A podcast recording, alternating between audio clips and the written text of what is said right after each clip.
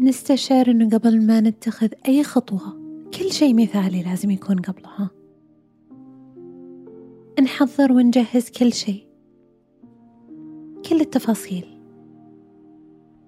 وزي ما يقولون إحساس داخلي كبير يقول ولا غلطة.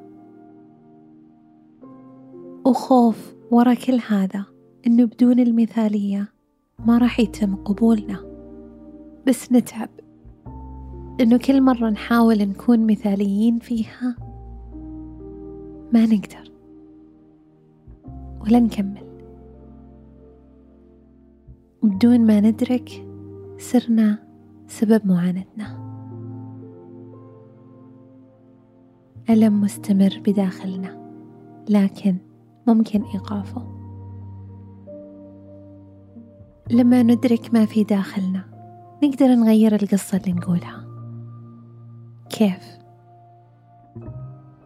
نكرر الفكرة الجديدة إلى ما تترسخ شعوريا. حتى لو في البداية ما حسينا فيها.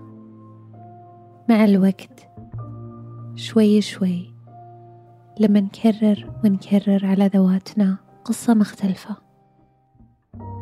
لما نؤمن أنه نقدر نختار اختيار جديد يتحرك شيء داخل قلوبنا. ونحس بالتغيير.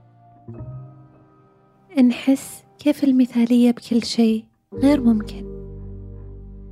والجمال يأتي بطبيعة الشيء ومو بمثالية غير واقعية لنا. كيف الطبيعة من حولنا متعددة الأشكال والألوان. ومو كل شيء موحد بدقة وبثبات. إن المتغيرات اللي نشوفها تخرب الشيء. هي فرص لنا. فرص نشوف جمال العيوب بطريقة ما كنا نتخيلها. فرص نتوسع بالطرق اللي ممكن نحقق فيها هدف. فرص نكتسب المرونة في أنفسنا بعدم التعلق بشيء محدد. كرر معي وأعرف إذا سألنا السؤال الصح. الإجابة الصح تتسهل. السؤال المفتوح يفتح الاحتمالات اللامحدودة في هذا الكون. لأنه يخلق لنا المساحة اللي فيها نستقبل الإجابة بكل يسر.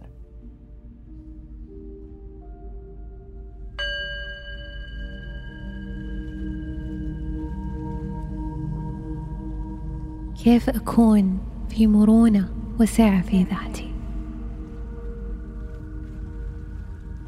أنا في مرونة وسعة في ذاتي. كيف استشعر جمال الفرص في كل مرة أواجه متغيرات لخطتي؟ أنا أستشعر جمال الفرص في كل مرة.